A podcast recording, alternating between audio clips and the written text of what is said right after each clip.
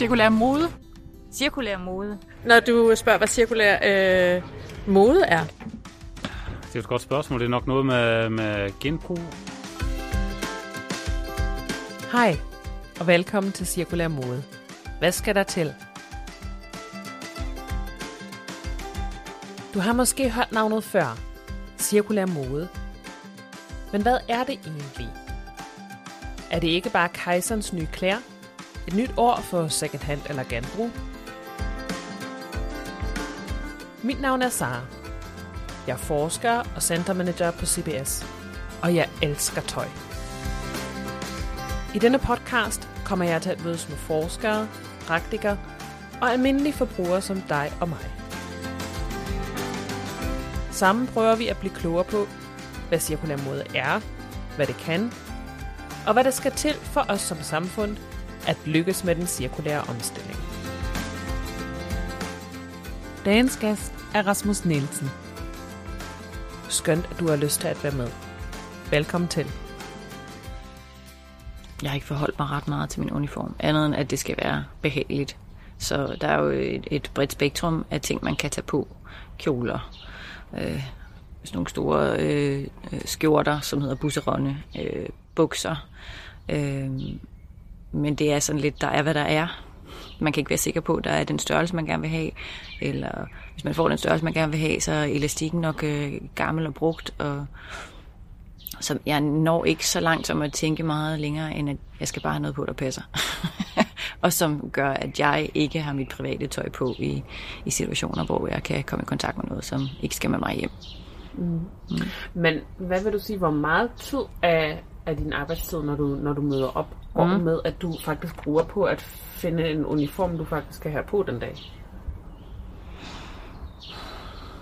Måske 10 minutter. Mm. Men det gør jeg jo, før jeg møder. Mm. Jeg skal jo møde i uniform, så, øh, men der går øh, relativt lang tid med at gå rundt og lede efter det, man skal bruge. Mm. Og det bærer præg af, at det ikke er nyt materiale, og det bliver vasket ofte. Fordi man kan godt få fat i t-shirts eller leggings, som er helt hullet i syningerne. Og så, så det, det handler bare om funktionalitet mere, end det handler om, hvordan man ser ud. Mm. Ja. Men er det så også et, et emne, I taler om? Ja. Det, der bliver talt om, øh, når alle møder ind, så sådan, åh, fandt du heller ikke noget? når man ser en, en kollega komme gående i en alt for stor kjole, eller et eller andet, som hun svømmer i, eller en t-shirt, som der er hul under ærmet, eller et eller andet, så, øh, så, øh, jamen, så kommer der en eller anden kommentar om, at Nå, du fandt heller ikke noget nede i garderobe, eller nede i, i tøj. Øh, rummet. Øh, ja, det, det er en, en bevidsthed, vi har, men vi tager det jo bare som det er, fordi det vigtigste er, at vi er på arbejde. Og, ja, vi er begyndt, at nogle af os har øh, vores egne leggings med, faktisk, selvom det ikke er noget, man må. Øh, fordi så kan man have en kjole på, hvis man er heldig at finde en i sin størrelse. Øh, men der er sjældent leggings til at have indenunder, så øh, er vi begyndt at have vores egen på. Ja. Hvorfor egentlig en podcast om cirkulær mode? Vi er mange, som er enige i, at cirkulær økonomi er en vigtig brik i fremtidssikringspuslespil. Men hvordan gør vi det i praksis? Cirkulær økonomi er en kompleks størrelse med mange stemmer og perspektiver. Vi taler meget om det, uden at vi nødvendigvis taler med hinanden om det. Med denne podcast vil jeg gerne skabe et talerør til vores dygtige forskere og praktikakolleger i feltet.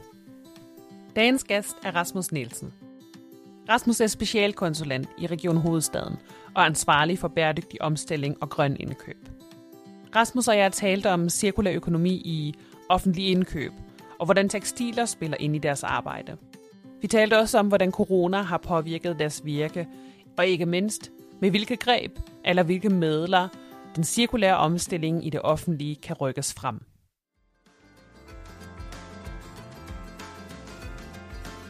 Hej Rasmus, og velkommen til. Det er så dejligt, at du har haft tid og lyst til at være med til at medvirke i den her podcast-serie. Og normalt så vil jeg, vil jeg have en bud, der vedkomme i studie på CBS, eller var taget ud til, til Hillerød for at mødes med dig, og så kunne vi have sludret lidt om, hvordan trafikken havde været, og om det var nemt at finde. Men det er jo lidt anderledes i corona-kontekst, så, så tales vi om strømafbrydelsen i Fredensborg, og hvor svært det er at få en god lyd igennem. Jeg tænker, Rasmus, inden vi går i gang og, og tale om cirkulær offentlig indkøb, så kunne jeg rigtig godt tænke mig, at du sætter et par ord på, hvem du egentlig er, og, og hvad du arbejder med. Ja, jamen det kan jeg godt. Jeg hedder Rasmus Nielsen, og jeg er øh, uddannet ingeniør fra DTU, og jeg arbejder i Region Hovedstaden i vores indkøbsafdeling, hvor vi køber alle produkter ind til, til hospitaler i Region Hovedstaden. Og tidligere der har jeg arbejdet med sådan produktudvikling og konstruktion af produkter, og så har jeg specialiseret mig i sådan inden for bæredygtig udvikling, og har siddet og lavet hjulpet virksomheder med, med bæredygtig omstilling og lavet de her livscyklusvurderinger, der ligesom beregner, hvor, hvor meget produkter og systemer belaster miljøet. hvor det været syv år som konsulent på det område, og har senest også som, som konsulent arbejdet som øh, sekretariatsleder for Forum for Bæredygtige Indkøb og Partnerskab for Offentlige Grønne Indkøb, som er to organisationer, der hjælper private og særligt også offentlige øh, virksomheder med at omstille deres forbrug til at være mere cirkulært og mere bæredygtigt. Og så har jeg nu de sidste to år arbejdet i Region Hovedstaden i indkøbsafdelingen der med grønne indkøb og bæredygtig omstilling.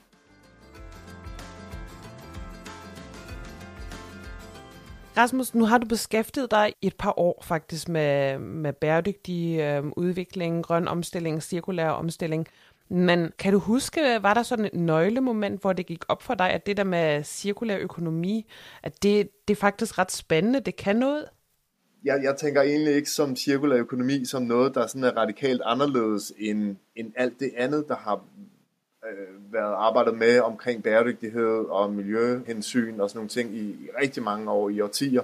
Der kan man sige, der er cirkulær økonomi sådan et, et begreb eller en, øh, ja, en, en ramme, som ligesom er trukket ned over meget det, der egentlig blev også lavet tidligere, hvor man jo også kiggede på genbrug og genanvendelse og, og ligesom godt vidste det her, men, men cirkulær økonomi har ligesom sådan sat det i system. Så, så, så cirkulær økonomi er ikke sådan noget nyt øh, på den måde. Det, altså, der kommer inden for, for, nu har jeg så arbejdet med bæredygtighed i hvad, 12 år eller sådan noget, både gennem min uddannelse øh, og, og så øh, på arbejdsmarkedet. Og, og jeg oplever, at der, der kommer de her buzzword en gang imellem, altså så hedder det CSR, øh, eller, eller altså, øh, så, så, men, men grundlæggende handler det meget om det samme jo.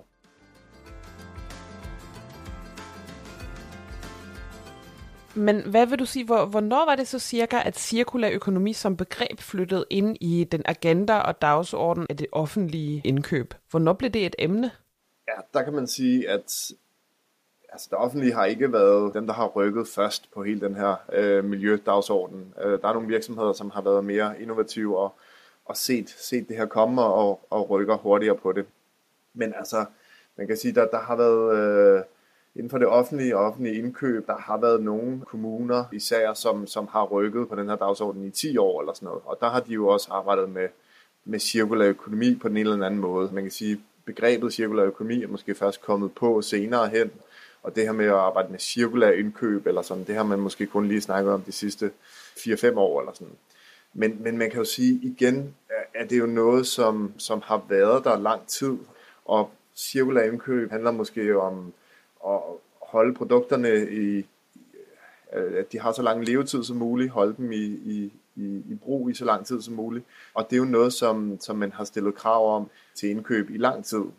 Og, og det, er jo, det hænger jo også meget sammen med, med sund fornuft og økonomi, at, at, øh, at man skal kunne, de produkter, man køber ind, skal have en, en hold, lang holdbarhed, og skal kunne repareres, og kunne, kunne genbruges, sættes i stand og sådan nogle ting. Øh, så på den måde har man måske faktisk tidligere arbejdet endnu mere cirkulært, hvor der måske så har været en tendens til, at indkøbsafdelinger i det offentlige skulle, skulle sikre en masse besparelser fra år til år på budgetterne, der så har gjort, at, at der måske også er blevet presset nogle billigere produkter ind, som måske har kortere levetid og har sværere ved at blive repareret eller sat i stand eller sådan, ikke? Som, så på den måde har der jo også været tendenser i det offentlige indkøb måske til at gå den anden vej.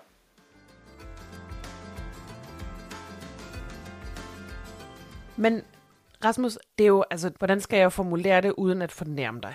Men hvis man taler med den almindelige borger eller forbruger, så de fleste af os kan jo ikke rigtig forholde sig til, offentlig indkøb. Det er jo ikke rigtig noget, vi beskæftiger os så meget med til dagligt, men mindre man som dig arbejder netop med det her. Ikke? Men hvordan foregår det egentlig i praksis? Altså offentlige grønne indkøb øh, og offentlige cirkulære indkøb. Jamen altså, man kan sige, øh, det, det er jo ja, netop en, en ting, som er skjult øh, for de fleste borgere. Når man kommer ind på et hospital, så tænker man på nogle andre ting end klimabelastningen for alle de ting, der, øh, der omgiver en.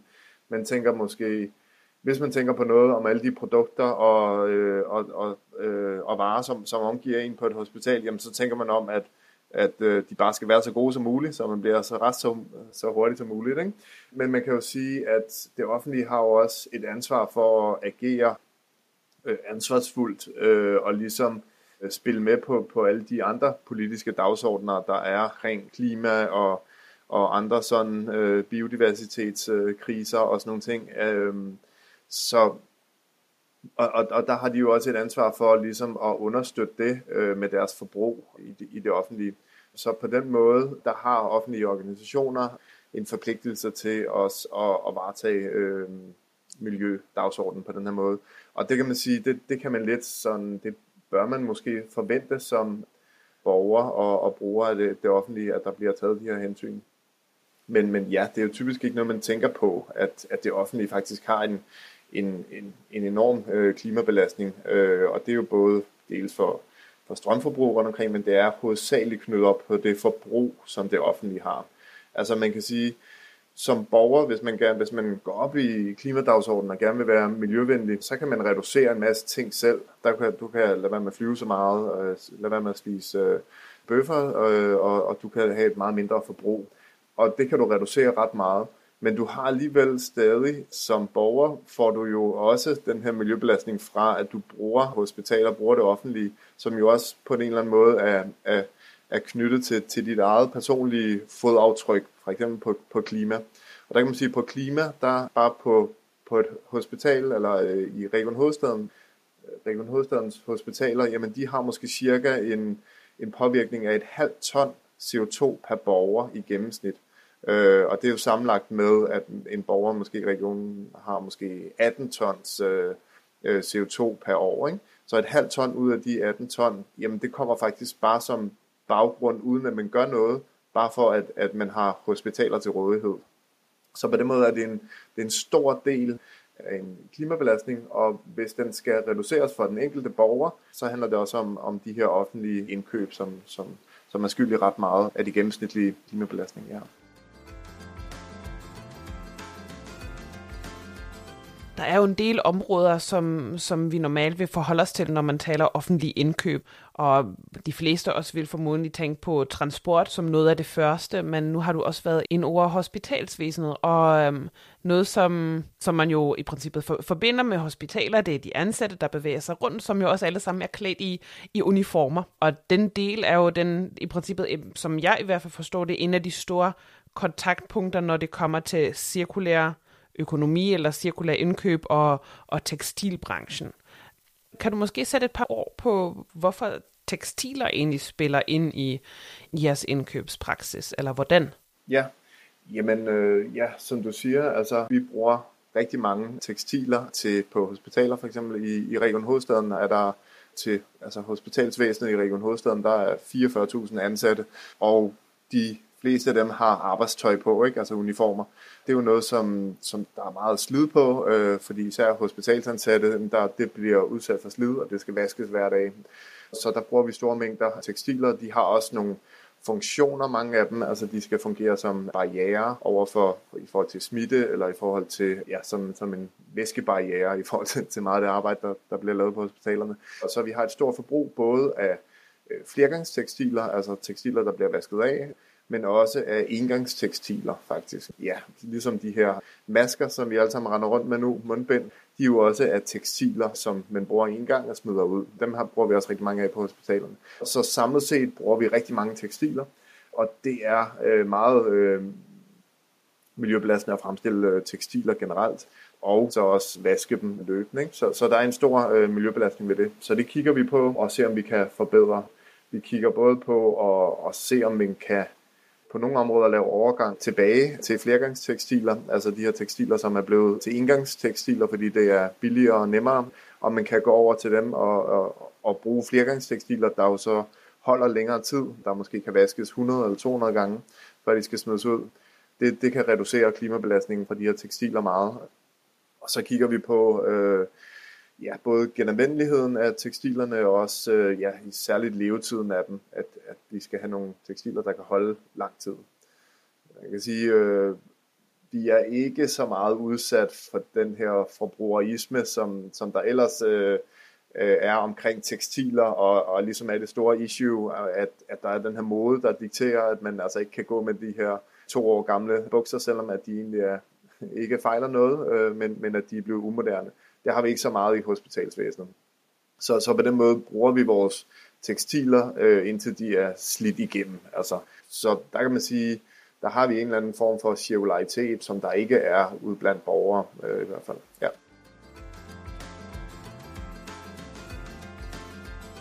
Altså når man beskæftiger sig med, med cirkulær økonomi, så, så er det jo ofte, at selve brugsfasen af produkterne er lidt ligesom, man kunne sige, så det er en um, black box eller et sort hul nærmest mere, fordi det er svært at, at se, hvordan tingene egentlig bliver brugt, og det er jo en viden, som er ret essentiel, når man gerne vil enten benytte tingene igen, eller få dem til genanvendelse, eller genbrug på den ene eller anden måde.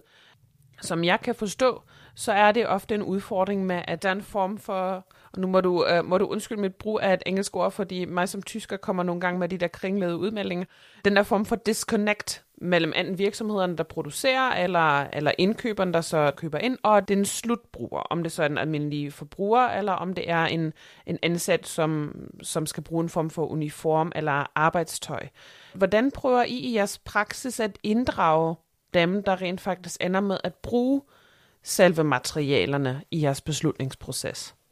Ja, jamen det er et meget godt spørgsmål, og der kan man sige, at der har vi jo nogle fordele, fordi vi, vi, jo, vi jo sidder øh, og beslutter, hvad for nogle produkter vi, vi gerne vil have ind, og prøver at gøre dem cirkulære. Og samtidig så har vi jo fuld indsigt i brugen af produkterne, fordi vi jo arbejder på hospitalerne, og dem, der arbejder på hospitalerne, det er vores kollegaer, dem, der bruger produkterne, dem, der transporterer og sørger for infrastrukturen omkring produkterne, af vores kollegaer, og, og dem, som øh, sidder med at håndtere affald og øh, bortskaffelse, det er også vores kollegaer. Dem, der, øh, så vi, vi arbejder bredt sammen, og det er også øh, nødvendigt i forhold til cirkulær økonomi, at du arbejder bredt sammen i værdikæden. Det er jo det, der er udfordringen for mange virksomheder, som gerne vil arbejde med cirkulær økonomi, at du ligesom du ender med at sælge dit produkt, og så ved du ikke, hvad der ellers sker med det. Du, det er ude af din kontrol. Og der, der er nogle udfordringer, især med, med den måde, som, som vi ligesom har vores øh, hvad hedder det, infrastruktur på, eller den måde, vi ligesom har vores forretningsmodeller med, med, at det typisk er køb, og man ejer sine egne produkter. Ikke? Og det er også derfor, at man i cirkulær økonomi snakker så meget om, om nye forretningsmodeller. Det er jo for, at, at virksomheder også skal kunne tage kontrol over hele livscyklus for, for deres produkter og kunne bortskaffe dem. Men der kan man sige, at på hospitalerne har vi jo en god mulighed for ligesom at kunne, kunne arbejde med flere livscykluser. Men, men det er jo også noget, hvor der ligger lang vej forude, fordi man kan sige, der, der foregår en masse produktudvikling hos vores leverandører, og det burde egentlig i langt højere grad kædes bedre sammen med ja, både brugen af produkterne, og så også med, i, i forhold til bortskaffelsen af produkterne. Så, så der kunne man godt lave nogle, nogle bredere værdikædesamarbejder, der kunne gøre produkter endnu mere cirkulære. Det spiller jo også rigtig meget ind i din baggrund, ikke? altså dit arbejde både med livscyklusanalyse, men også produktudvikling. Altså det er jo nogle tankegange, som, som er jo ikke særlig fjern for dig, tænker jeg. Ja, jamen præcis. Og det er jo det der med at kunne forstå også, hvordan produkter bliver til, og så kunne forstå både de miljøforhold, der er gennem livscyklus, og så også sportskaffelsen og, og hvad der er muligheder der.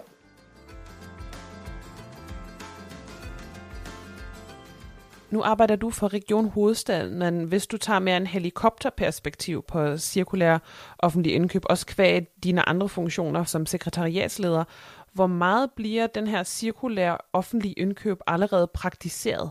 Der kommer flere og flere grønne indkøb, og der bliver mere og mere fokus på det. Og der er nogle kommuner, der, der løber foran og, og ligesom øh, viser vejen. som har nogle engagerede øh, politikere eller engagerede øh, ledere, som, som brænder for det her, og, og nogle medarbejdere, der er ildsjæle i indkøbsafdelingerne, der driver det. Men man kan sige, øh, langt hen ad vejen, så, så, er det, så er det også et arbejde op ad bakke, eller sådan, ikke? Fordi at, altså igen, der er måske mange øh, ligesom forretningsmodeller, eller sådan, som fører til lineær økonomi, og der er måske heller ikke helt mod nok til at investere i det her, fordi det kræver, at man måske kigger ud over kortvarige budgetter, men kigger på længere sigt, altså det, hvor indkøbsafdelinger typisk, og, og og det, at man, man udbyder ting, det har til formål at lave besparelser øh, her nu, og indkøbsafdelinger bliver målt på årlige besparelser, som de skal levere, og det fordrer, at man køber billige produkter, og der er måske ikke rigtig incitament til at købe de her produkter, der, der holder lang tid, eller, eller hvor der er specielle øh, tiltag, der gør, at de kan genanvendes og genbruges på, på forskellige vis. Så der er også en masse ja, barriere ved det. Og så er det også, altså det er typisk noget, hvor, hvor man, ja, som vi lige snakkede om, skal, skal gå i, i samarbejde med, med måske bredere i værdikæden, med måske nogle øh, leverandører og måske nogle affaldsvirksomheder, øh, for at, at kunne lave nogle rigtig cirkulære øh, loops øh, og, øh, med nogle produkter, der, der bliver recirkuleret. Og det kræver bare mere tid for en udbudsansvarlig på et område, der måske skal lave så så mange udbud hvert år, så, så kræver det et, et mere innovativt øh, mindset og projektopsæt for at kunne føre sådan nogle øh, projekter øh, til livs. Og det er sjældent, at der er de ressourcer i, i især mindre kommuner. Så, så det er jo noget, der, som er tungt at drive. Ja, og så kan man sige, jo, der er nogle virksomheder, som, som gerne vil ind på det her område, og måske har nogle, nogle innovative produkter eller nye forretningsmodeller, men og der kan man sige, så sidder indkøbsafdelingerne så også måske, måske er der så en leverandør, der kan tilbyde det her, men der kan det være svært, at, fordi mange ting skal udbydes, så kan det være svært at forvalte den ene leverandør der, der har den, den innovative løsning. Plus at det kan også være risikabelt at skulle, skulle ud i et nyt øh, partnerskab på ukendt område, og der vælger man måske typisk den, den kendte løsning ved bare at købe et produkt, som man plejer.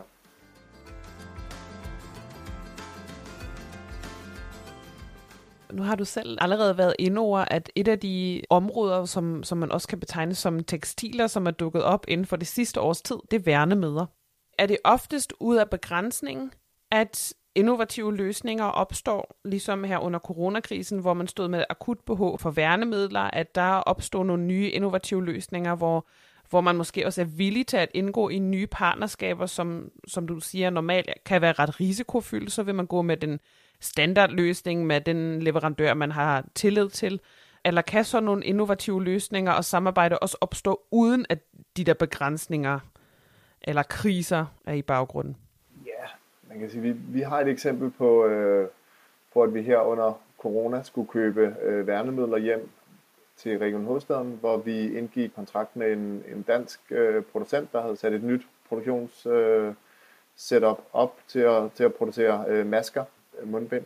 De blev netop produceret i sådan et, øh, fordi vi også har øh, i indkøbsafdelingen fokus på det her bæredygtighed, så blev de produceret i sådan et genanvendeligt øh, materiale, så de egentlig kunne samles ind øh, og genanvendes, hvorimod alle andre masker bliver forbrændt, fordi de indeholder forskellige materialer og ikke kan, kan genanvendes. Så der fik vi, vi prøvet noget nyt op, og det var jo ikke sket så hurtigt i hvert fald, hvis det ikke havde været med, med den motor, der ligesom blev startet op, og den hastighed, tingene skete ved, som der var under øh, coronakrisens opstart øh, i, i Region Hovedstaden, hvor, hvor alting jo bare var øh, nødberedskab og gik lynhurtigt. Tingene skulle bare ske. Ikke? Så på den måde, øh, ja, vil, er, er der nogle innovative ting, der, der går hurtigere på den måde, og man kan også sige, at der er også en, en udbudslov, som måske også er lidt en forhindring på, på nogle områder, eller kan være, i forhold til, at, at normalt skal tingene udbydes, og så er man, har man en tendens til at, at bare udbyde det samme, som man plejer at gøre, øh, og ikke få så meget innovation ind. Så, øh, så, så jo, nogle af de her ting kan accelerere det, men jeg vil omvendt også sige, at jeg synes ikke, coronakrisen udpræget har, har skabt bæredygtighed. Altså, der er blevet et enormt øh, ekstra forbrug af indgangsværnemidler, som jo langt hen ad vejen er blevet fløjet ind af nødvendighed. Ikke? Så det er ikke sådan, at vi ligesom har, har brugt det som en, en løftestang til at lave bæredygtig omstilling med. man kan jo sige, man kan jo blive inspireret og sige, at, at når vi kan gøre det med en coronakrise, så bør vi også kunne gøre det med en klimakrise og en biodiversitetskrise og kunne, kunne omstille os i, i så hurtig grad, så man kan blive inspireret af den måde, vi har arbejdet på i Region Hovedstaden, og lægge det øh, over på nogle af de kommende kriser, vi står overfor.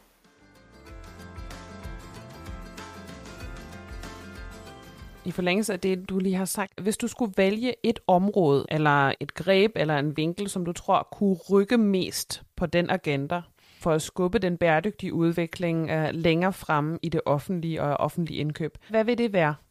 Vi skal for det første have en bedre indsigt i, hvor betydningsfuldt det egentlig er. Altså der har typisk, og det er der stadig i rigtig mange virksomheder, fokus på øh, det, man i, når man laver klimaregnskab, kalder scope 1 og scope 2, altså de direkte udledninger, man har, øh, hvor der ikke er så meget fokus på scope 3, som er alt det, man køber ind, men som bliver produceret i, i andre lande.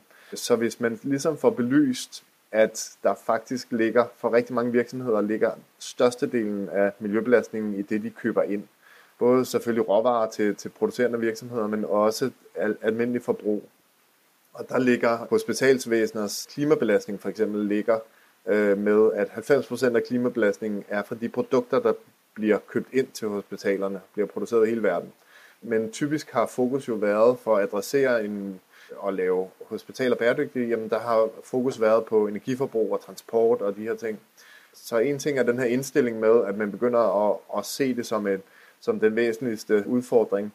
Det, det er jo noget, som, som får indvirkning nu, og staten, eller hvad hedder det, regeringen er også lige kommet med en, med en ny øh, strategi for offentlig grønne indkøb, hvor de jo også i den forbindelse også beregner på, hvor betydningsfuldt det er, det offentlige indkøb. Og der øh, i forlængelse af den er de også ved at lave en, ligge op til, at der skal laves en målsætning for offentlig grønne indkøb, eller for offentlige indkøb i forhold til klimareduktion. Og det tror jeg er noget af det, der kan komme til at, at rykke på dagsordenen, fordi så, så får man ligesom vist, jamen hvor meget er det egentlig, hvis vi gerne vil reducere 50% for de næste 10 år eller sådan noget, hvad er det så egentlig, der skal til? Så man ligesom får, bliver gjort klar over, hvad er det for nogle initiativer, der skal til for at rykke det her, øh, den her klimabelastning fra forbruget. Ikke? Og der er det jo, øh, det vil pege på, at ja, vi kan vinde lidt her og lidt der, øh, men der er ikke nogen nemme løsninger. Det kræver en omstilling til cirkulær økonomi langt hen ad vejen. Ja, og så kan man sige, så, så skal der jo følge de investeringer med, eller de, øh, som, som det kræver at lave den langvarige grønne omstilling af offentlige organisationer. Ikke? Ja.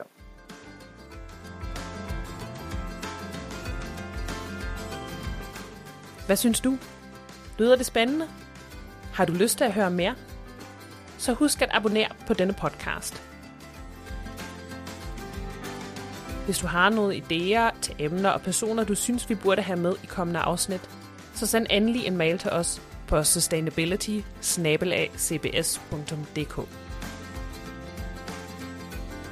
Podcasten er finansieret af CBS Circularity Initiativet på Copenhagen Business School. Titelmusikken er sang Funhouse af Crowander. Tak for denne gang. Vi høres ved.